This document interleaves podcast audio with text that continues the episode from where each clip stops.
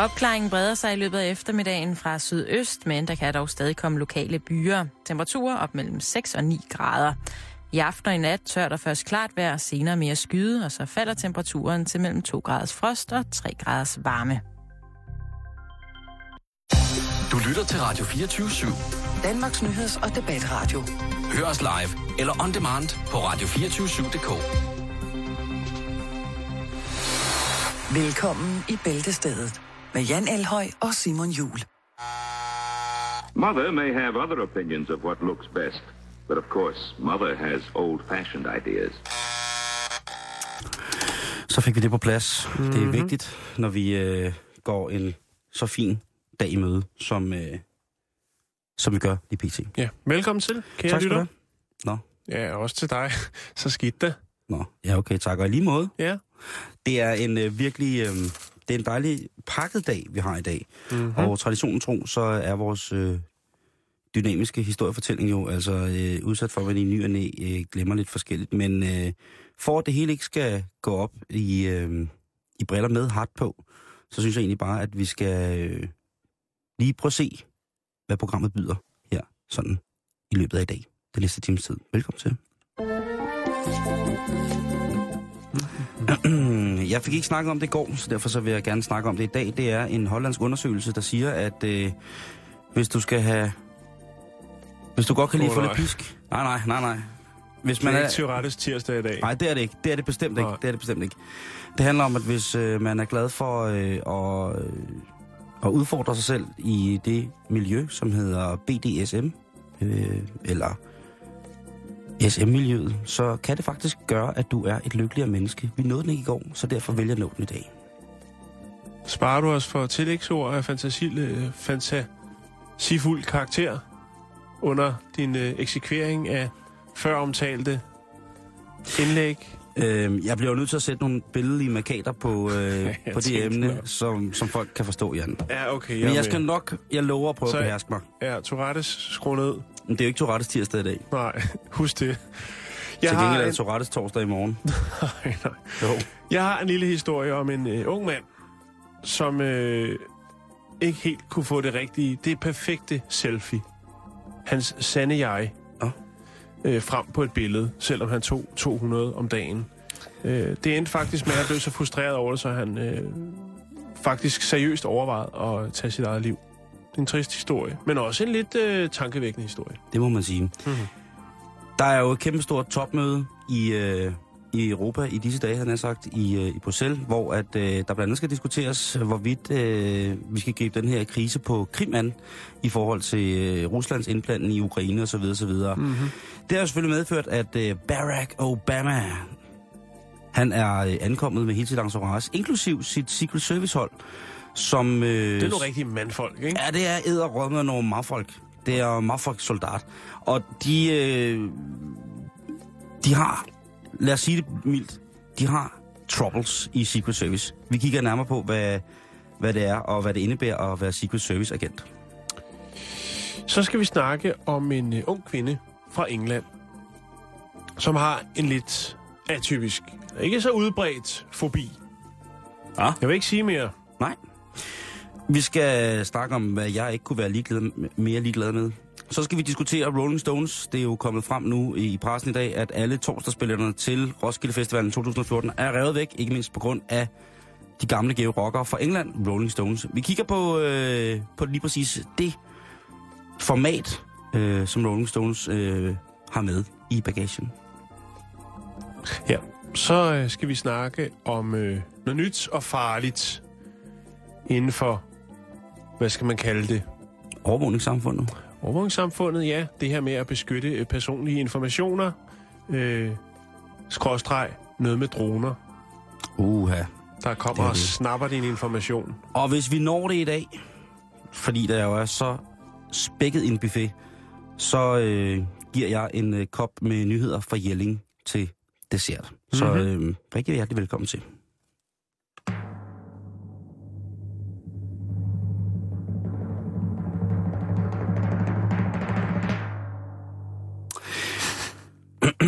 Ja, nu skal vi til at snakke om det, Jan. Og øh, det er jo her, hvor jeg skal prøve at, øh, at administrere mit øh, farverige sprogbrug. Så det Ja. vil jeg gøre. Ny hollandsk forskning, mine damer og herrer, viser, at folk, som dyrker mere ekstrem sex, i form af for eksempel SM, sadomasochisme øh, eller underkastelse, er mindre paranoid og, øh, og ellers har, det generelt bedre i deres omgivelser. Mm. Og øh, i nogle lande, der er det jo sådan, at det at være sadomasochist eller fetishist er en diagnose, altså en psykisk lidelse. Danmark var en af de første lande, øh, der i 1995 faktisk var det første land i EU, Jan, som droppede øh, sadomasochismen som en diagnose. Så at det rent faktisk var sådan, at hvis man er egenfri vilje, og hvis sin fulde fem godt kunne gå ind i øh, en læderkælder, så, øh, og gøre det, man nu gør i læderkældre, så var det ikke fordi, man var syg, men så var det bare fordi, at man ligesom udfordrer sig selv lidt, ikke? Jo. Igen, i, i, i den øh, lidt mere eks, eksplicite del af, af samfundsbilledet, så øh, internationalt, så går Danmark altså forrest. Hvor er det dog fantastisk. Tilburg Universitetet, som ligger i Holland, de har undersøgt øh, forskellige folk, der praktiserer det her BDSM. Øh, og øh, det viser sig, at øh, BDSM, som står for bondage, disciplin, dominans og underkastelse, øh, sadisme, masochisme, øh, hvad hedder det, har den her fælles betegnelse for, for BDSM. Det viser sig, at de folk, der har det her langt ind, øh, ind på livet, på mange måder, de er mere udadvendte, de er mere åbne over for nye oplevelser, jo tak, de er mere pligtomfyldende, og så er de altså mindre erotiske. Nå nej, neurotiske. Nå. Det, som forskerne mener, det er, at øh, når de udlever deres øh, seksualitet så eksplicit, øh, så har de mindre eller færre seksuelle frustrationer i hverdagen. Hvilket jo faktisk giver god mening. Jeg synes jo tit, at man kan se folk på cykel om morgenen, som øh, nok skulle se at få sig lidt, øh, lidt intim hygge. Mm. Mm. Eller ja. ligesom bare ud og købe ind, ikke? Så går der sådan et par, hvor man øh, sådan har lyst til at gå hen til dem og sige nogle gange, tror jeg ikke bare, I skulle hjem, og så bare trallerlullerlej. Kan vi ikke få åbnet en kasse mere? Ja, for eksempel. Eller måske to? Men jeg får ikke at sige tre. Næste gang du råber, at de søde mennesker nede i Netto, kan vi ikke få åbnet en kasse til, så vid, at alle de mennesker, der står i kø, eller hvis du står i kø og hører en råb, så tænk på, at det menneske, der står og råber, har kroppen fyldt med seksuelle frustrationer. Og måske i virkeligheden bare drømmer om, at der kommer et andet sødt menneske, ligesindet, og sætter stød til hans øjenæbler. Fordi så får han det måske bedre. Eller hun får det måske bedre. Det er, øh, det er spændende, og psykologer ved Northern Illinois øh, Universitetet øh, har arbejdet øh, i samme, hvad kan man sige, i samme felt. Øh, og de er sådan, i virkeligheden måske endnu længere, de mener at have fundet eksempler på, at, øh, at forskningen, eller at, at forskning i det her, øh, viser, at ved at man implicerer sig i masochisme, så er, er der en, øh, en, en, en psykologisk mekanisme inde i dig selv, som giver dig en flugt fra selvet. Det er med øh, eksistentialisme på et højere plan, Jan. Det tør siges. Det tør siges. At øh, hvis du får øh, stoppet et, øh, et, hvad hedder det, et øh, flermodelleret stykke øh, bestik op i dig, og føler smerten, måske bliver pisket med, med en, en ilddrager, en brændende ilddrager, så kan det faktisk godt være, at det sætter et eller andet i gang i dig, som gør, at du kan udvikle dig på en helt ny og meget, meget mere øh, farverig måde. Det er interessant at vide. Øhm, og og, og, og det, det, det ligesom gjorde ved med det her, det var, at i, i, i USA omkring den her test, det var, at inden at de gik i gang med den her lidt eksplicite seksuelle oplevelse, så fik de en Stroop-test. Ved du, hvad det er? Nej, men øh, Nej, det er... enlighten me, Ja, du, please. du kender, når jeg fortæller, hvad det er, så ved du godt, hvad det er. Det er der, hvor man læser navnet på en farve, skrevet i en anden farve, end den farve, man læser op, ikke? Præcis. For eksempel, du øh, læser blå, men det er skrevet med røde bogstaver. Ja. Det er jo sådan en forholdsvis nem test, øh, i forhold til, om man kan regne virkeligheden ud i forhold til, til en selv, ikke? Mm-hmm. Det viser sig så, at, øh, at når de mennesker, de samme mennesker blev påført smerte som en del af den seksuelle nydelse, så klarede de sig dårligere i struptesten. Og ifølge øh, en af forskerne, så tyder det på en kortvarig reduceret funktion i en bestemt del af hjernen, som typisk forbindes med kontrol mindre øh, og andre avancerede funktioner. Så altså, den her Men kommer smerte... det helt bag på en? Altså, man rykker vel fokus frem for øh, rød skrevet med blå testen til øh, Jo, jo, den jo, jo. træfork, som øh, piger din øh, ryg med 280 volt. Ja, det elektriske fiskenet, som du er blevet rullet ind i. Hvad hedder det? Jamen, det er rigtigt. Øh, det, Tænk- det- altså, det tænker jeg det, bare. Og det er også rigtigt, det er også Jo, rigtigt. ja. Men en, en dybere øh, psykologisk undersøgelse i forhold, til, eller i forhold til de mennesker, det viser sig så, at ved at få denne her oplevelse, så vil man kunne videreudvikle, altså the self altså development, selvudviklingsfasen i dig selv, kan nå nye højder i et mm. andet tempo, ved at du ligesom frivilligt smider den her øh, trang til at sige, nej, nej, nej, nej, nej, jeg skal ikke rulles ind i elektrisk fiskenet. Ved at du siger, jeg vil godt have påført mig den her smerte. Jeg kender det, øh, nogen kender det måske, hvis de bliver tatoveret, at hvis man bliver tusset, øh, i, når man så kommer op og bliver tatoveret i over de der 5-6 timer øh, i streg, så begynder ens krop lige så stille at, at give slip på nogle ting. Mm. Og, og øh, jeg siger ikke, at jeg får en større øh, selvudviklingsoplevelse, når jeg bliver tatoveret, men jeg kan godt fornemme, at hvis man går ind og arbejder med det, så er øh, den frivillige påførsel af smerte til ens selv måske øh, en kilde til... Altså, ja, der for det første bliver der jo, øh, hvad hedder det, frigivet en masse naturlige, øh, masse naturlige narkoer ind i ens krop. Endorfiner. Endorfiner, adrenalin og sådan Mhm. mm. ting og sager. Og, og det gør jo også, at man kommer op i, kommer op i et eller andet stadie, ikke? Øhm, så jeg kan godt, godt forstå det. Så jeg vil jo bare opfordre til, at hvis man føler, at man er en lille smule mut, eller godt vil i en, en, en stærkere kontakt med ens, øh, med ens indre, at man så simpelthen pepper den op, og starter med at købe en... Altså, man skal jo ikke starte med at købe en, en, en rørmaskine, og så sådan en stor haverive, og sige, så går vederrøden i gang. Man skal måske starte med at sige, nu går vi ned, eller vi starter med måske lige, og at jeg, øh, jeg pisker dig med et, et frossen viskestykke. Jamen altså også, hvis man har øh, familie eller venner, som man måske mener trænger til at falde lidt ned, så kan man måske erhverve sig et, et gavekort til sådan en servicebutik med en træretters. Og igen, så kan jeg jo ikke, øh, så kan jeg jo ikke anbefale nok, at der jo findes klubber, hvor i sådan nogle ting her bliver taget så utroligt seriøst, at selve indlæringsprocessen jo er en form for gave. Du kan jo gå ned i en, i en swingerklub, og så kan du gå ned i hjørnet til, kæld, til, til kældernedgangen, så gå ned i kælderen, og så når du kommer ned i kælderen, så er der en lem i gulvet, så går du så ned igennem lemmen i gulvet, og der er BDSM skoletjenesten så, hvor du siger, hej, jeg er helt bly, kig på mig, ingen ar, ingen blå mærker, men jeg er klar til at udvide min horisont. Jeg er klar til Har at jeg fået at vide. expand my mind. Og lige pludselig, før du ved af det, så hænger du på aluminiumskorset med et kæmpe smil om læberne, og øh, hele sættet af de gamle metaltøjklemmer fra Irma rundt omkring dit forplantningsorgan. Og så kan rejsen begynde. Så husk det. Måske kan de øh, seksuelle frustrationer slippes løs øh, på andre end øh, de søde kaspiger i Netto. Måske kan det slippes løs ud i et øh, lidt fugtigt rum i en kælder, hvor der klinker op til cirka 1,20 meter på væggene, og resten det så læder og spejle. Jeg ved det ikke, men øh, det er værd at prøve. Det er ny forskning, der viser det, og hollandsk forskning, det skal man bestemt ikke kæmpe sig af. Nej. Er, det- er det der, vi lukker? Jeg vil godt anerkende dig for øh, dit øh, nænsomme brug af frække ord. Tak skal du have.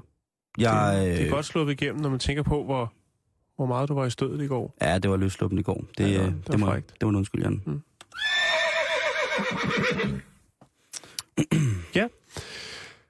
Ja, vi skal snakke om det endnu en gang. Ja. Selfies. Ja, det er noget... Øh, Det er jo meget op i tiden. vi har lige taget et og lagt på, øh, på vores Facebook-side. Ja, og faktisk i morges, da jeg kørte herind, der kørte jeg op ad strøget. Der ligger der en klassisk 80'er ekviperingsbutik, der går under navnet deres. Og der i vinduet stod der en mannequin. Og på den mannequin var der en selvlysende grøn trøje, hvor der Gud hjælpe var trygt selfie på. Ja. Der har virkelig været gang i brainstorming. Der har man tænkt, hvad er det, de unge vil have? Mm. Vi skal have et ord, der fænger de unge. Og så er det sjovt. Det var en ret fin t-shirt. Det var bare øh, Det vil virkelig... klæde dig. Jeg vil meget gerne lægge den op på vores øh, Facebook. Den vil ikke klæde mig, Jan. Prøv Noget vrøvl. alt, der er fluorescerende, klæder dig. Nå, men det er ikke der, vi skal hen nu. Tak, Tupac. Vi skal, vi skal snakke om en øh, 18-årig ung mand. Mm. 19-årig, undskyld. 19-årig ung mand, der hedder Danny Bowman.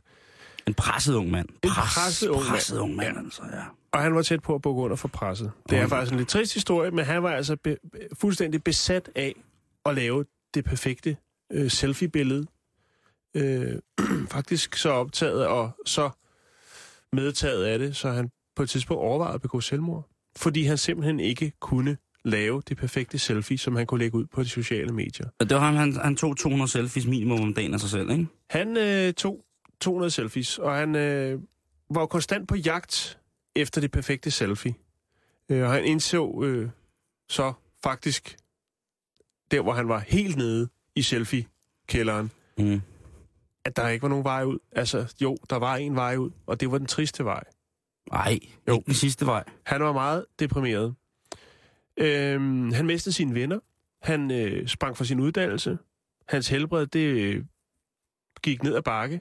Og øh, overvejede seriøst at tage sit eget liv, som jeg sagde. Så altså på grund af, at han ikke kan få det perfekte selfie, så bliver han psykisk voldsomt ustabil. Ja, han øh, lukkede sig inde i sin forældres hjem i et halvt år. Og der, der gik tiden altså med at tage selfies. Jeg ved godt, det lyder meget mærkeligt. Oh, det er Og- meget, og spe- tungt. meget speciel mand. Mm. Det er en meget speciel mand, han har der. I dag er øh, Danny i bedring, og øh, er stoppet med at, øh, hvad skal man sige, prøve at finde den perfekte vinkel på sig selv og lægge det online. Han har indset, at øh, perfektion er umuligt, når Ja, det kommer det- til selfie. Der vil altid være en dårlig hård dag eller en forkert vinkel. Han skulle måske en, en tur ned i lederkælderen og rulles ind i de elektriske fiskenet. Det kunne godt være. At det, det kan være, at det er der, den, den, den ligger gemt, ikke? Og der, altså, der, man kan jo se tendensen, og det er ikke, det er ikke noget, noget nyt, kan man sige, men det er, der er måske mere fokus på det nu. En øh, læge, der hedder Linda Papadopoulos, tror jeg, hun hedder. Papadopoulos. Papadopoulos? Papadopoulos. Oh, Ja, det lyder næsten som nogle klodser, der er lidt større end Duplo-klodserne. Nå, men hun siger i hvert fald, at øh, det ikke er et nyt fænomen. Det har stået på en, et stykke tid, godt stykke tid med det her utrolige pres, som der er på de sociale medier, om at man øh, skal fremstå som at have det perfekte udseende, det perfekte liv, de spise det rigtige mad. Altså alt det her selvprofilering. Og det gør altså bare, at der er nogle unge, som ligesom begynder at fokusere lidt for meget på det Mm. bliver lidt for optaget af, ligesom at, øh, Det, og det, og at det er se jo rigtig også... ud og få, hvad skal man sige, like-hunte. Altså at sige, det her billede af mig. Hvad siger I til det? Så er der ikke nogen, der liker det. Eller, ah, hvorfor er der ikke nogen, der liker det her, når de likede det, jeg lavede ud for fem minutter siden, Mm. eller noget. Og det er en ond cirkel. Kloge mennesker siger jo, at det mest, øh, populære, øh, den mest populære positive kontakt, der er mellem mennesker i dag, det er liket. Altså det digitale like, ikke? Mm. Det koster heller ikke noget. Nej. Man skal ikke sige fra eller til, eller noget som helst. Det er bare et klik, og så har man gjort en person glad. Ja. Det er vel en form for, øh, hvad skal man sige, det moderne samfunds velgørenhed. Jeg ved ikke, hvad det er. Det, det jo- forkert har i hvert- sagt? Nej, det, det ved jeg ikke nødvendigvis, om det var, men jeg synes i hvert fald, det har taget overhånd, ikke på den der måde. Mm. Altså, jeg synes jo også, at selfie er skide sjove. Det er jo slet ikke det. Det kan det også være, men det kan satme også være belastende. men nu siger ikke? du, altså, at, er vi ude i, at øh, man kan blive diagnostiseret med en selfie-psykose? Ja, det kan jeg lige vende tilbage til. Altså man kan sige, for Dannes skyld, eller vedkommende, øh, så tog han altså simpelthen skridtet efter at have fået noget professionel hjælp.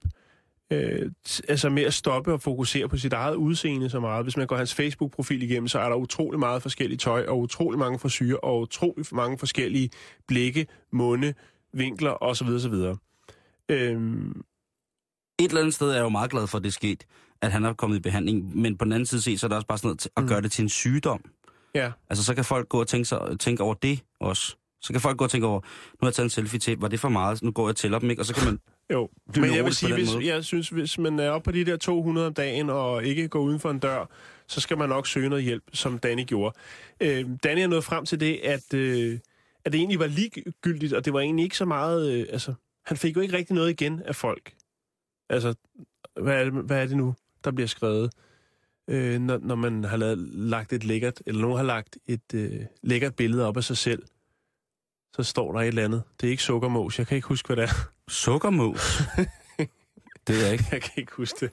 Jeg er så meget er jeg ikke inde i, øh, i, i, i de moderne termer der. Men i hvert fald så fandt han ud af, eller noget frem til, at øh, altså, det var jo ikke det rigtige øh, ham, de ligesom likede. Det var jo, øh, hvad skal man sige, en illusion. Det var jo en, en selviscenesættelse mm. af ham.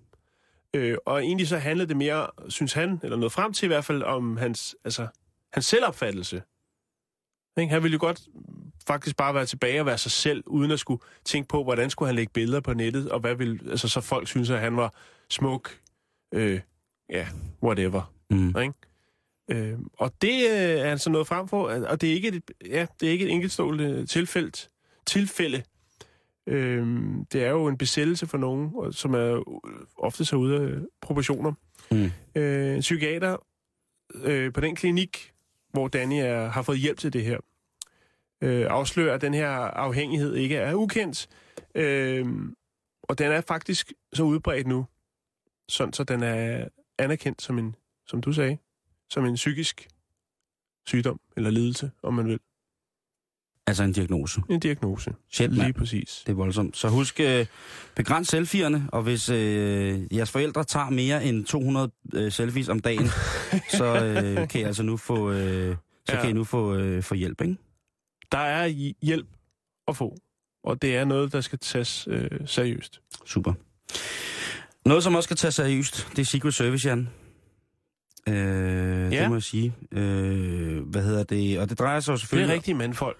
Ja, det er det jo. Ikke? Det er jo som regel, øh, det er jo øh, toppen af poppen. Når man øh, kommer hjem og har været i øh, eventuelt de amerikanske specialstyrker og været udsendt og tjent sit land og bla bla bla og jada jada jada. Og det hænder jo. Ikke? Når, øh, når man øh, kommer hjem, øh, hvad hedder det, så, øh, så at få et job i Secret Service, det er rigtig, rigtig flot. Det er rigtig, rigtig godt, for det er jo dem, der passer på præsidenten, Jan. Men der er en lille smule, øh, hvad skal man kalde det, øh, bøf lige pt. Fordi at øh, præsident Obama og Air Force One ankom jo til Europa i mandags, og umiddelbart efter så er der tre Secret Service agenter, som er blevet sendt hjem og det er, hvad hedder det, øh, øh, hvad hedder det, det er talsmanden for, øh, for Secret Service, som hedder Ed Donovan, som, øh, som forklarer, at de tre agenter, de blev sendt hjem på grund af disciplinære årsager. Han vil ikke uddybe det, men de er sendt hjem, øh, og de er frataget, de er suspenderet, de er, hvad hedder det, øh, og fritaget for tjeneste. Hvad er der dog sket i Amsterdam, i Nederlands, siden at man kan sende tre vigtige, vigtige brækker. Vi kommer til, hvor, øh, hvor, hvor i Secret Service lige præcis det hører til senere hen, hvilket gør det lidt mere mærkeligt.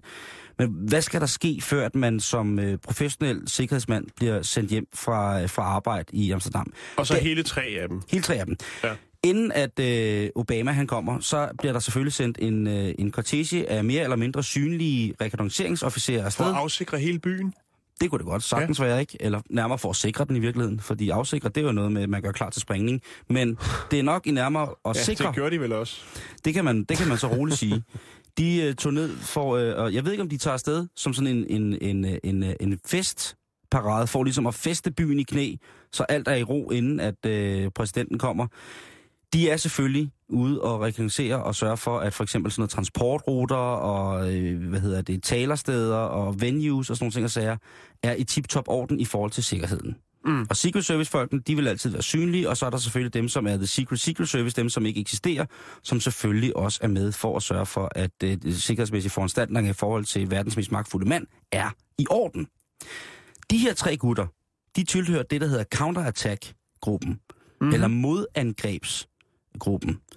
Og de lever øh, deres, øh, hvad hedder det, lige præcis den celle i Secret Service er et, øh, et, et fænomen, hvor at, hvad kan man sige, sports, sportsudtalelsen om, at det bedste forsvar af et angreb bliver sat i effekt. Fordi counterattack-gruppen er dem, der skal sørge for at angribe, hvis og i tilfælde af, at præsidenten bliver angrebet. Hvis de for eksempel er i motorkortege, og de løber ved siden af, Clint Eastwood løber forrest, og lige pludselig så ser det bum bum lum, og så er der øh, ellers gang i gaden, så er der selvfølgelig nogen, der sørger Så for... siger de bum bum lum, og så er det lige flæsket, ikke? Lige præcis. Ja. Fight fire with fire. Det var tre af drengene for lige præcis øh, den gruppe, som desværre måtte øh, sendes hjem. Øh, hvad hedder det? Med røde ører. Deres, øh, hvad hedder det, øh, deres teamleader, eller kaptajnen på holdet, anføreren på holdet, han blev set på hotellet, hvor at øh, hele øh, delegationen skulle opholde sig brandstiv. Helt brand. Helt brændt af. I, altså, i, af, af flere mennesker. Og personalet vidste jo godt, hvem det var, sådan nogle ting, jeg sagde. Og så er der selvfølgelig nogen, der sladrer og siger, ved du hvad, der er sikkert nogen, der godt vil være teamleader på counterattack-holdet, ikke? Jo. Så siger jeg, ved du hvad, øh, Bo han ligger derinde, og øh, han ligger og har trukket sig underbukser op over hovedet, og så øh, ligger han og synger Lille Peter Æderkop, imens han er i gang med at øh, spille, hvad hedder det, øh, spille, øh, hvad hedder det, polo med, øh, med sin tær. Det går ikke. og øh, de bliver så sendt hjem. De to kollegaer, der var sendt afsted, de var jo tre mand afsted. Ja. Var de også fulde? Nej, men de blev sendt hjem med den årsag, at øh, de ikke kunne passe på deres øh, ven. Dårligt Okay. kammeratskab. Ja, dårlig kammeratskab. Øh, uden pis. Hjem, i, øh, hjem til USA igen, og, øh, og krydder røv, indtil du får, får andet at vide. Du er fritaget for tjeneste, uden løn, og øh, du skal bare afsted nu. Der har jo været episoder, Jan, hvis man roder lidt i det, med det her Secret Service. Jeg skulle lige til at sige det. Og det var derfor, lige snart du sagde, øh, sagde Amsterdam, så tænkte jeg Red Light District. Det er meget muligt, ikke? Ikke? Og der At det, var også det, været... at det var ligesom, at der den lå. Men det var det ikke. Det var bare øh, alkoholen. Det ved man ikke, men apropos Red Light District, så har der jo været episoder, hvor at, øh, hvor at Secret Service agenter er blevet set, altså hamre shots i hatten.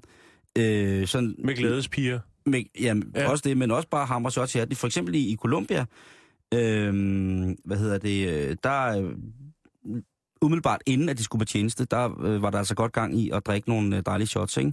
Mm. Og helt galt i april sidste, eller april forrige år, hvor at, øh, hvor at, hvad hedder det, Obama skal afsted, der, øh, der er der, øh, Obama skal til, hvad hedder det, Carta- Cartagena i Karibien, og øh, hvad hedder det, der er der altså en masse agenter afsted, selvfølgelig, og øh, de tager altså i byen Ja.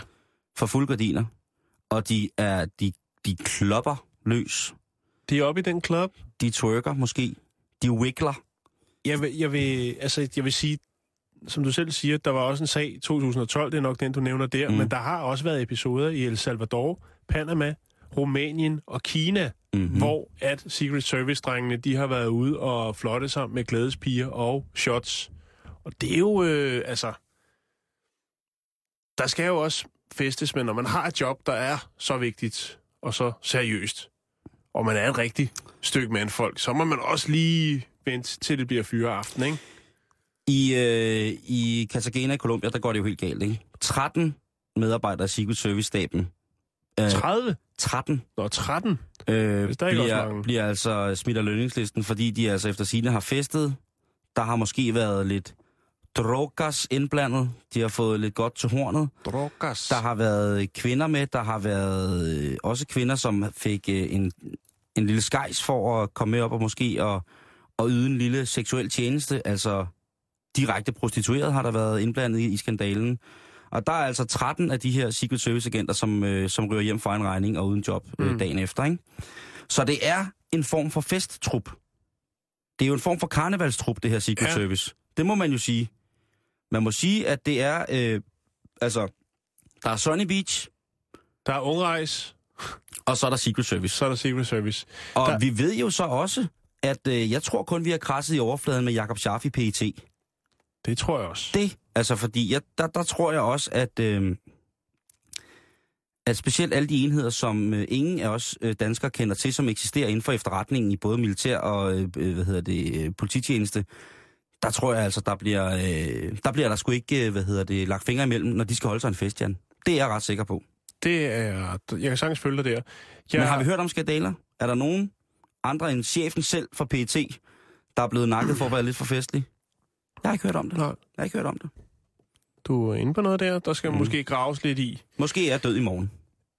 Det håber jeg ikke, fordi vi sender igen i morgen 14.05. Måske ligger der indjørning i hovedet i min seng, når jeg kommer hjem. Det kan godt være, det kan også bare være, det er en pakke fiskefrikadeller. Det ligger der jo. Der er, øh, der er en, en klog mand, der siger, at øh, en måde at løse det her problem på, ville være at ansætte flere kvinder i Secret Service. Mm. Det synes jeg er en meget god pointe. Det synes jeg også. Og nu, når vi er der, så vil jeg tillade mig på vores Facebook-side, øh, som er facebook.com, bæltested, og lægge et link op til en artikel, netop med overskriften Ansæt flere kvinder i Secret Service, øh, hvor man kan læse lidt om sagerne, og ude i venstre side ligger der altså fire video med øh, lidt blandet information. Blandt andet en brasiliansk kvinde, som har, øh, ja, styret, ved jeg ikke, men i hvert fald haft lidt gang i et par Secret Service herrer. Uha. Ja. PT, MIT, I halter altså sindssygt bagefter. Kom nu ind i kampen. Hvad er det for noget? Det der er Guf fra Spidsen Øjenhat. Du lytter til Bæltestedet. Mm, Jeg skal lige lægge det her op. ost. Ja, så skal vi snakke ost. Jeg skal lige lægge det her link op, ikke? Hvad siger du? Kan det ikke vente lidt? Nej, fordi vi er jo, øh, vi er jo fremme i skoene. Kan du ikke øh, lige... Sådan, Simon. Ja. Så har jeg lagt den op. Godt. Det, altså, det er jo sådan noget, vi kan, ikke? Ja, det er Vi- right on, right on time. Vi kan godt lide at interagere med vores lyttere, og vi kan også godt lide at ligesom, øh, understøtte historierne i form af lidt øh, halløj. Ja, så er Ekstrabladet også noget at skrive om. Ja, der går lige en uge, før de fanger historien. Nå, vi skal videre. og øh, det, vi skal snakke om, det er fobier. Åh oh, ja. Har du nogle fobier, egentlig, Simon? Det tror jeg aldrig, vi har snakket om. Jeg har kolorofobi. Og så har jeg også en øh, Du sygelig er bange for klovne. Ja, og så aber. Aber, ja, det jeg ved Ja. der er noget med aber. Ja, jeg har det sindssygt nederen med aber. Men ellers, så er jo, og så højdeskræk jo. Men, er det, om det er en forbi, det ved jeg ikke. Men, øh, men nej, altså sygelig angst har jeg for, øh, for, for, til dels for klovne. Det er blevet bedre med årene, men ellers så øh, aber generelt. Jeg fucking hader aber. Og det er ud af den simple årsag, at jeg ved, at de er klogere end os. Okay. Den lader vi lægge der. Vi skal snakke Jeg om... kan jo ikke sove, når jeg har set abernes planet. Kan du ikke det? Nej. Hvad når du har set cirkus? Det gør jeg ikke. Jeg går slet ikke i cirkus. Det er, det er, på, det er, det er at balancere på en pincet med en tynd dieselolie oven på en bunsenbrænder og sende mig derind. Det vil kunne gå så forfærdeligt galt. Det vil kunne ødelægge så mange børns liv, hvis de så mig få et panikanfald i cirkus. Det skal jeg ikke ind i. Nej. Og vi skal snakke lidt om panikanfald. Godt. Vi skal til England. Her bor der en øh, smuk ung kvinde, som er 22 år. Hun hedder Melissa North, og øh, hun har simpelthen fobi for ost. Hun begynder at græde, når hun nærmer sig ost. Det Jeg ved godt, det, det det, er for, skørt. det er forfærdeligt, Ja. hvis man Men først er, hun ved... er traumatiseret med ost. Nå, hvordan? Det skal jeg brække ned for dig lige om lidt. Men nej, jeg først vil jeg lige er høre din kommentar. Nej, jeg, jeg, jeg, jeg, jeg, Sig det jeg, til mig. jeg sidder bare og venter. Jeg sidder ja. og venter på, hvad, hvor- hvordan man kan blive så bange for en af de få grundstoffer i verden, som øh, næsten er uskadelige. Men altså, hun er bange for mejeriproduktet. Ost. Og øh, det er faktisk sådan, så hun går en stor cirkel udenom øh, den afdeling i supermarkedet, når hun er ude at handle, hvor der ligger ost. Mejeriafdelingen, Ja, den ser man hende ikke i. Nej. Øh, altså, hun får koldsved, hvis hun ser en brie. Eller en cheddar. Ja. Øh, det kan også udvikle sig til panikanfald. Ja. Og det, det, altså, det lyder jo fjollet og skørt. Men hvor er det som regel, at de her fobier, de starter? Det er som regel, når man er en lille sød pige eller dreng. Og det første, hun kan erindre, hvor det ligesom er, at øh, hun får pres, pres over osten, ikke? Det, det er, hvor Nej, hun... det er ikke, det er ikke sjovt. Nej, det er det ikke. Jeg ved det godt, Simon. Det er dig, der sidder og fjoller nu. Nej, det er... Undskyld. Eller Du griner. siger... Du, prøv lige at sige sætningen igen. Første gang, hun får pres over ost, Ja. det... Okay. Der var hun blot fire år gammel og øh, stod over for et svært valg. Fordi hun havde fået at vide hjemmefra, at når man er ude på besøg hos nogen, så skal man spise op og spise det, der bliver serveret. Og øh, hun var så hjemme hos sin øh, legekammerat, og de fik lidt te, og til teen, der fik de så en toast med ost. Og øh, Melissa, hun kunne altså ikke lide ost. Men hun er jo godt opdraget, den her smukke unge dame, så hun spiser op. Men det er svært, og det er hårdt. Og der starter traumen. Hun kan simpelthen ikke døje synet, eller lugten, eller smagen af ost. Og det fortsætter, Simon. Det, det er kun starten. Det er der, det lille angstfrø for ost, det bliver sået. M- Må jeg lige sige noget? Ja. Et eller andet sted, så er det voldsomt, at det er en, en, altså en livsinvaliderende, et livsinvaliderende traume, der stammer fra en episode. Ja, Der, må, og som kommer ud, øh, ud af, at man er velopdragen. der kan måske ligge noget For, bag. ja, det kan der godt. Nå, jeg, jeg lytter videre og, øh, og griner ikke. Jeg smiler Nej. ikke engang. Jeg, min mundvige vender nedad. Jeg er grumpikat. Du, Jeg sidder herovre. øh, en anden episode, det var da hun var 15 år, øh, hvor det er, så nogen finder ud af, at hun er bange for ost. Det er selvfølgelig klart, hvis du sidder i klasselokale. Der er altid nogen, der har en, en ostehørmer med. Det kan du sikkert selv huske. Det var mig, der havde ostehørmer med. Jeg havde jo, altså, jeg havde jo gerne en skive oldemors kusse med, med på øh, et groft hårbrød med fedt og salt og sky og sennep, for jeg var en 8-9 år gammel, ikke? Jo. Den, den øh, går ikke så varm brød. Den er svær at bytte, vil jeg sige. Det var, når jeg havde, når jeg havde lavet cheesecake til klassens timer, og jeg kom der med en kiksebund fyldt op med potcase. så nej, hvad sker der så? Undskyld, ja, men det der er er ikke der sjovt. jo er selvfølgelig nogle af sjovt. klassekammeraterne, som finder ud af, at hun er ret angst over for ost. Øh, Så en dag er der en af drengene, der tager en øh, god smørbar ost med, og øh, så får hun en vasker med den. Den bliver kastet efter hende og rammer hende i hovedet. Og Hun, øh, hun får ostebukake simpelthen. hun får oste på kakke. Nej, det er ikke godt. Nej. Og øh, ja, Ved, ved du hvad, hun, det er... løber, hun løber ud selvfølgelig. Og Det er jo super vildt at blive mobbet med ost. Altså, at blive traumatiseret med ost. Ostemobning. Altså, så løber hun, Hun ud. løber ud på badeværelset for at få det af. Altså helt sådan panik. og der er ikke nok papir og det hele. Og det er endnu en gang. Endnu en gang. Mange ved jo ikke, at øh, den hvide farve, Pjerrot bruger af Philadelphia, det var øh, den franske klovn, den, den, den grane klovn. Dengang havde man jo ikke, altså, der smurte de sig bare ind i et smørostprodukt. Øh, Er det rigtigt? nej, det er løgn. Nå, men i hvert fald så er det fortsat øh, med, at folk ligesom har brugt det. Og selv hendes kæreste i dag øh, laver nogle gange fis med hende øh, og jagter hende rundt i huset med en blok ost i hånden. Øh, Har hun ikke fået hjælp for det der? Fordi Jo. det er da i den grad traumatiserende. Hvordan har hun det med pizza, for eksempel? ja, det melder det ikke noget, men jeg tror bare, bare der er ost, så siger hun øh, pænt nej tak. Ej.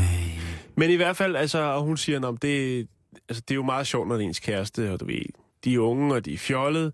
Nej, det er der hun, øh, ikke, hvis det er traume. Hun, hun lå, løber ud på toilettet og låser døren, og så, siger hun, og så øh, bliver hun derude til, han begynder at kede sig med at drille hende.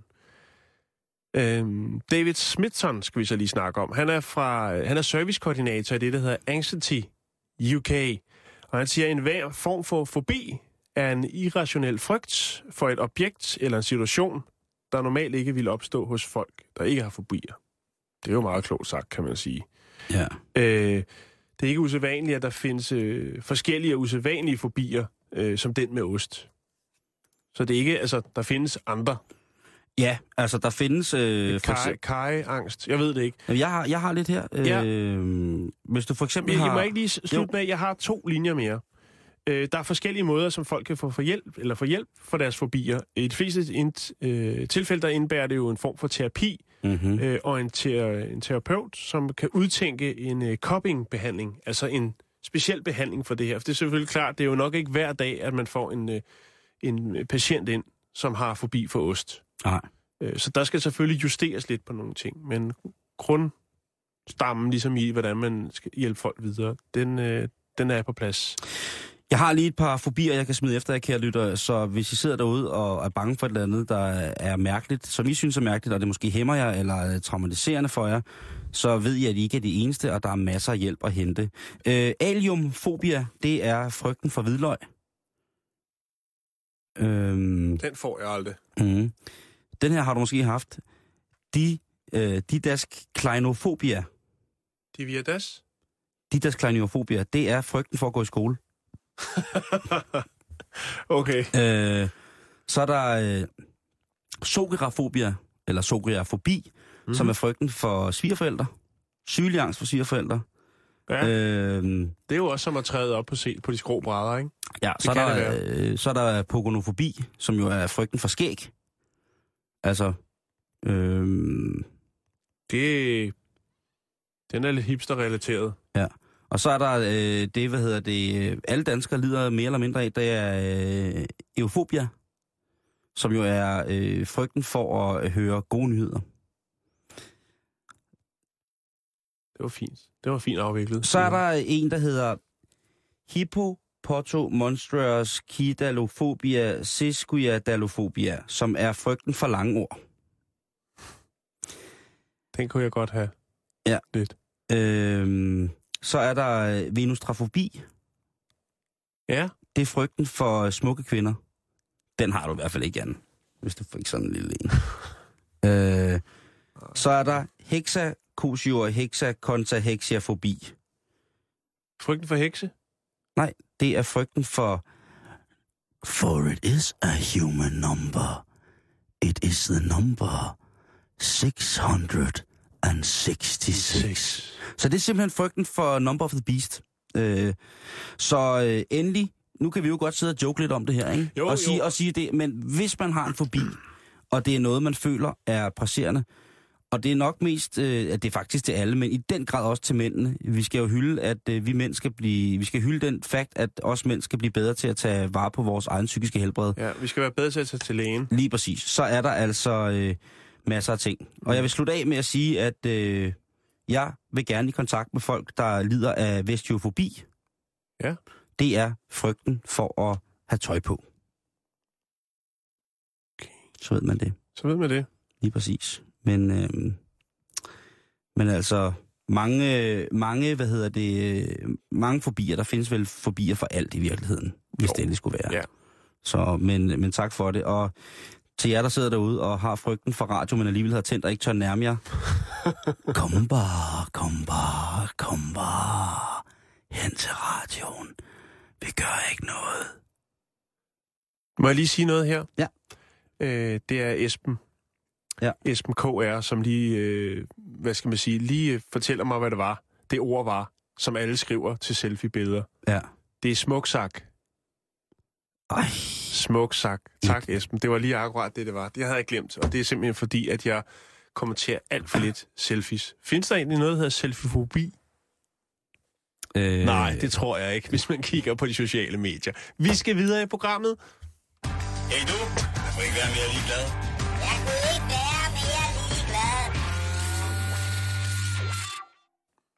Metro Express, de skriver, Gustav afslører knaldede 144 på et år. Ekstrabladet, de skriver, Andreas Bo og Masha Wang, ja, vi er kærester. Jeg kan ikke være mere ligeglad. Børsen, de skriver, Flykker drømmer stort om Polen. Det er så åbenbart farvegiganten, som er på vej øh, sydøstover. Politiken.dk, Sharapova og Williams spiller sig videre i skyggen af bombealarm. Ja, hvorfor ikke? Bergenske.dk, små typehuseproducenter klemmes af de store. Hey du, jeg får ikke være mere ligeglad. Jeg kunne ikke være mere ligeglad. Så skal vi til det. Vi skal til det, Jeg Jan. glæder mig meget, fordi nu vil du fortælle os lidt om øh, ja, et stort, et stort slag, der skal stå på orange scene. Ja, det er jo øh, Roskilde Festivalen, øh, som, øh, som, som nu i dag udmelder, at øh, torsdagsbilletterne er udsolgt. Og det er jo så den dag, hvor der er Outcast og Rolling Stones. Ja. Og helt ærligt, Jan, Outcast, ja tak. Rolling Stones, ja tak for mit vedkommende. Jo, så heller en lille intim koncert. Ja, jo, jo, jo, Jamen. altså. For mit vedkommende, altså, det, det, jeg synes, det, det, det, det er fantastisk. Jeg elsker, elsker, elsker, elsker. Kaster, jeg siger, elsker Rolling Stones. Men det levende legender, ikke? Og det må man sige. Ja. Næsten levende, ikke? Øh. Øh, så er der engang, så er der lykket Roskildefonden at slagte den gyldne gås og forretningsmæssigt strikke et program sammen, således at almen købmandsfilosofi igen skjuler deres griske smil og våde hænder. Ha, ha, ha, ha. Koster en bundegård. Hvad koster sådan en, en på opleveren der? Jeg ved sgu ikke, men jeg ved, at øh, hele, hele fornøjelsen koster over 2.000 kroner. Så skal satme også være en fornøjelse. Jamen, det er det også, 100%. Der er ingen tvivl om, et, ikke et sekund i mit øh, blødende Roskilde-hjert vil sætte tvivl ved, at det var for dyrt øh, i forhold til at tage på Roskilde Festivalen. Så er det også sagt. Mm. Så, jeg, så er du ved. Kan man ikke stadigvæk øh, klare hegnene? Det siger jeg, vil jeg ikke sige noget om. Nej. Man kunne også bare tage dig ned lidt før og grave sig ned. Det er der jo mange, der Helt gør. op foran orange scene. Øh, der er jo det, vi- det, vi kalder den frysetørrede tidstysker. Og det er jo altså øh, de her øh, tyske mastodonter af mennesker, der går rundt i læderbukser. Øh, altså, vi taler 40 grader... Øh, Afklippet coverjakke. 40, 40 grader varm øh, tissky, der lægger sig ned over dyrskuepladsen. Der står der altså sådan noget 350 kilo, øh, hvad hedder det, hakket kraut og flæsk i sådan en læderbuks med snøre i siden. Øh, hvad hedder det, lang, sort øh, læderjakke, sort netundertrøje, kæmpe store sølvsmykker med Thors hamre i, og, og hvad hedder det, øh, og Malteserkors, langt hår, stor skæg, og så sådan et kæmpe stort flag, som øh, virkelig ligner sådan en 6 meter lang medestang, der er helt tynd i enden, med sådan en lille flag, øh, med tysk flag og så et eller andet andet på, ikke? Øh, med en, en øh, ja, et eller andet, en, en, dværg, der boller i et, et bjerg. Det hedder den øh, forystede artisttysker, fordi der er jeg ret sikker på, at øh, når, lige så snart festivalen er ved at slutte, så tager de som de små sandkrabber i ørkenen og graver sig ned, De går i hi. og så, så, øh, så sætter de til kroppens tempo ned. Og så kan de først komme frem igen i det øjeblik, der rammer øh, en, en dråbe pis, rammer den tørre jord, hvor de, øh, hvor de har ligget under hele tiden. Og så lige pludselig, mens man står der og tisser, og man ikke ved, øh, hvad der sker, så hører man den her lyd. Du lieber Augustin Kraftværk. Og så står han der. Fling! Pling, så står han der, ikke? Jo. Kæmpestor, og så... Det er øh, en, en øh, interessant øh, teori, som jeg synes, vi burde øh, beskæftige os med.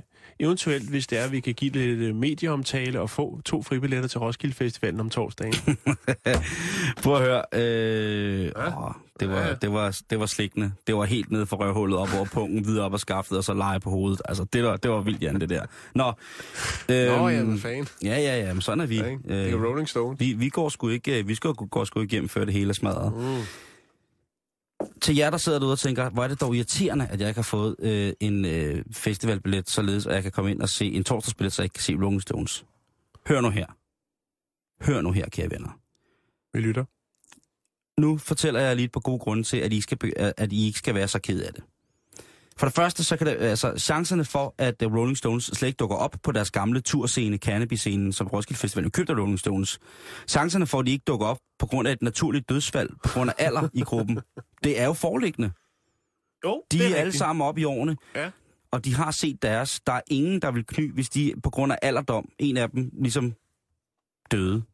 Det, det er jo, altså man kan sige, der er mange tragiske rockstjerne, øh, hvad hedder det, rockstjerne dødsfald, helt 100 procent. Mm. Men her, der, er vi, der snakker vi altså om folk så langt op i Og årene. de at- har jo spillet på scenen før. Ja, lige præcis til deres. Ja. For det andet, Bill Wyman er ikke med mere. Slut. Bill Wyman er der ikke mere i Rolling Stones. Det er Daryl Jones, tror jeg, der spiller bass. Jeg ved det ikke. Det er, det er bare ikke godt nok. Øh, for det tredje, Rolling Stones, når de spiller på Roskilde Festivalen 2014, så opfører de med garanti ikke mesterværket She's a Rainbow, som er skæring 6 for den plade, øh, som er min yndlings Rolling Stones plade. Den hedder The Satanic Majestics Request, og den er fra 1967. Øh, og det er det egentlig mest fantastiske nummer, blandt andet fordi bassisten for Led Zeppelin, John Paul Jones, har lavet stryger arrangement til, til, til nummeret. Og efter sine, det er kun et rygte, er det The Fab Four, der synger kor på, øh, på nummeret, altså Beatles, ikke? Det er en, også en tredje god grund til at sige, jamen derfor behøver jeg ikke Og de kommer ikke Nej, synger det tror jeg sgu ikke kommer. Øh, hvad hedder det? Øh, det tror jeg sgu ikke. Øhm, og for det fjerde, hvis du tror, at Rolling Stones er et Maroon 5 jam band med en, der tilfældigvis synger og hedder noget med Jagger, så behøver du heller ikke at bekymre dig om, hvorfor du skal se Rolling Stones på Roskilde Festivalen 2014. Move like Jagger. Ja, det kunne godt være, der var nogen, der tænkte, Nå, det er sgu da den der med, så det sgu, nå, den skal jeg ud og se, mand, hvor fedt, så skal jeg danse i en slangebuks. Det, det, det sker ikke. Der er mange gode grunde til det, men selvfølgelig, hvis man øh, dødblødende er øh, Roskilde Festival-fan, som undertegnet og, og nærmest øh, mm. født derude, og, og elsker Rolling Stones, så bliver man selvfølgelig nødt til at... orange scene? Øh, nej, jeg er født i Korea, Jan. Okay. Ja. Jeg ved jo ikke, om Rolling Stones var på, øh, på, på tur i, øh, i Korea på det tidspunkt. Far? Er det dig? Mens Keith Richards han står og savler ned i sin telecaster på, i, i korperstøvle og piratpandbånd? Og Charlie Watts han er bare faldet i søvn. De skal, hver, hver, mellem hvert nummer skal de tænde Charlie Watts med en utrolig, utrolig kraftig lampe. Du kan, du kan ikke? prøve at spørge ham jo. Hvis du kommer backstage, Ja. spørg om han har været i Korea, fordi I synes, du synes, I ligner hinanden lidt. Der ja. I, I also play guitar, ikke? Mens Ron Wood, han står heller helt rent crack ind i øjnene. det, kunne være, øh, det, det kunne være spændende. Nej, øh, ja. og måske, hvem ved, øh, måske har det Billy Preston med. Man, man kan aldrig vide. Det, Det er det, er i hvert fald det. Men altså, der er også masser af gode grunde til, at man ikke skal være ked af det. Ja. Over, og hvad hedder det, ikke for dem med. Og øh, sådan er det. Hold da kæft, Jan. Tiden flyver. Jo. Skal vi lige... Øh, Kan få- vi nå en lille en? Ja, skal vi lige ind over øh, Snoopy? Ja. Snoopy er en drone. Oh, ja, det er farligt. Snoopy det, er en ja. farlig, farlig, farlig drone. det er også nuser på dansk. Det er rigtigt. Nuser på... Men den er sgu ikke så nuser, den her. Nå. Øh, det er en øh, drone, som man har øh, sat lidt i værk. Der er ikke noget, noget nyt i det andet, end man har kombineret meget populære ting, nemlig dronen, sammen med lidt elektronik, som gør, at man kan hacke sig ind øh, på folks øh, telefoner via wifi-forbindelsen. Ja. Øhm, og det man så har gjort, er, at man har koblet de her to ting sammen, og så har man fløjet en tur over London. Øh, og der har man altså, ja, tilslusket sig øh, data fra folks mobiltelefoner. Mm. Øh, og man har stjålet øh, altså alt fra adgangskoder til lokaliseringsdata.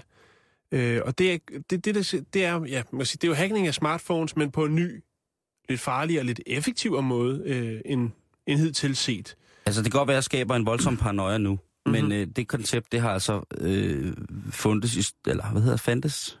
Det har eksisteret, lad mig sige det på den måde. Ja, lige præcis. Det koncept med at kunne hacke sig ind på mobiltelefoner, øh, for det første via GSM, det gamle net, men Ja, så også nu, det har Bestemt. eksisteret rigtig, rigtig, rigtig, Det ved rigtig jeg godt, år. Simon. Og jeg vil meget gerne øh, dele en lille film omkring det øh, på vores Facebook-side. Men, men det, der er det nye i det, det er ligesom, at man tager dronen, så du kan tage et specifikt område, øh, og så kan du have, have løst det og suge information. Det, der er i det, er, at det jo faktisk kan ske, øh, mens du går. Hvis du har åbnet for dit wifi et eller andet sted, så kan mm. den sende signaler ned, fordi den sender, søger jo efter et wifi, og det wifi ja. har et navn, som den sender ud, indtil den rammer det wifi.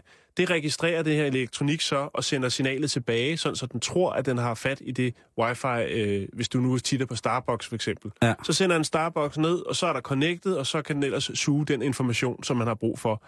Okay, så under, den- det, under det her eksperiment blev der suget eller stjålet øh, PayPal, øh, kontoinformationer, Amazon, Yahoo, øh, andre legitimation øh, oplysninger fra tilfældige folk på gaden i, i London.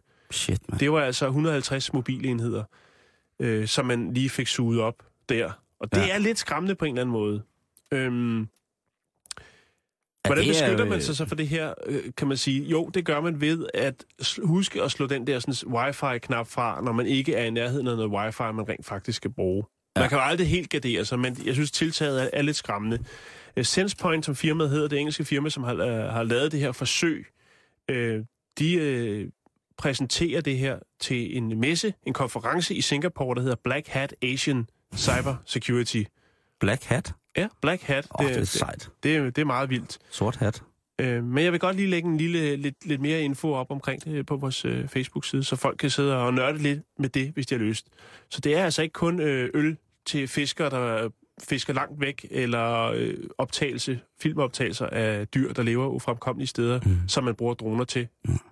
Man kan jo, de fungerer i bogstavelig forstand som det, der hedder en mobil repeater, og det vil sige, det er en maskine, som kan, kan øh, ja, en repeater, det er jo måske også et, et lidt mærkeligt ord om det, men altså, det er jo sådan en lille computer, der hænger op i, op i luften, ikke? og så kan man ellers bare selv øh, dumme ind. Men var det hardcore, at de øh, sender den afsted med, med, med falsk wifi-navn, ikke? så telefonen tror, det er noget, de kender, ikke? Så det vil sige, så er de jo først inde i, i, i Starbucks, og så digitalt har de tvunget sig adgang til, øh, hvad hedder det, Starbucks digitales profils krop. Og Det, så, det er øh, tunge sager. Ja, det er tunge sager. Det, er, det kunne for eksempel godt være en forbi, jeg kunne udvikle Jan ret hurtigt. Det kunne være den her digitale forbi øh, for, øh, for, hvad, øh, for vores overvågningssamfund. Ja, Den kan du altid prakke mig på. Det ved du også godt. jo. Men, men ja, man skal tænke og, og, hvad skal man sige, værne om sine personlige oplysninger, som man lægger ud på nettet eller har rundt omkring på telefoner og På sin computer. mobiltelefon. Mm-hmm. Puha, det var lidt nøjere. Det er stort set alt, hvad vi når i dag øh, i Bæltestedet. Du skal selvfølgelig tjekke os ud på facebook.com, øh, Bæltestedet, det er AE. Øh, Jan sidder nu og råder med, med sin computer for at lægge det ud. I mellemtiden så har vi fået øh, Ejden i studiet, som er vært på Uenigheden. Hej, Simon. Øh, hej Ejden. Hvad, øh, hvad har du med i din, øh, i din flotte etniske lommer i dag? Jamen, øh, Simon, prøv at forestille dig den her situation. Du er på druk, og det bliver sådan lidt vildt, ikke? Jeg Så kommer der et par ordensbetjente. Det gør du ikke. De tænker, oh, han ser sgu lidt farlig ud, ham Simon. Han er lidt brun i huden, og han har tatoveringer op af armene. Så de, de knibler dig og kører dig rundt, og du må tisse i en flaske. Hvad gør du bagefter? Du vil gerne klage over betjentene. Er det noget... Men så får du at vide, at sagen bliver ikke til noget. Fordi man kan ikke identificere dem. Danmark er et af de er få lande, det har hvor... været op at vende mange gange. Det har været op at vende, og nu Ja. er der nyt på, på emnet. Det er det, som, øh, som timen handler om. Skal Spændende. danske betjente have numre på uniformen, Ja. ja. eller ej? Vi er det de få lande, hvor de ikke har det. Ja. Betjenten er selv bange for, at de bliver chikaneret, hvis man kan identificere dem. Til gengæld så har danske betjente lovpligtigt ret til at oplyse dem om, hvilket navn og hvilken station det tilhører, hvis man beder dem om i henhold til, at man er blevet anholdt eller tilbageholdt Det eller er sigtet. Hvorfor ved du så meget om det? Fordi jeg har prøvet det mange gange. øh, og hvis de anholder øh, en uberettet eller, øh, ikke, eller opretholder en uretmæssig sigtelse, så kan du også øh, tage til genmelde. Det bliver spændende. Det er uenigheden lige om lidt. Først nyheder klokken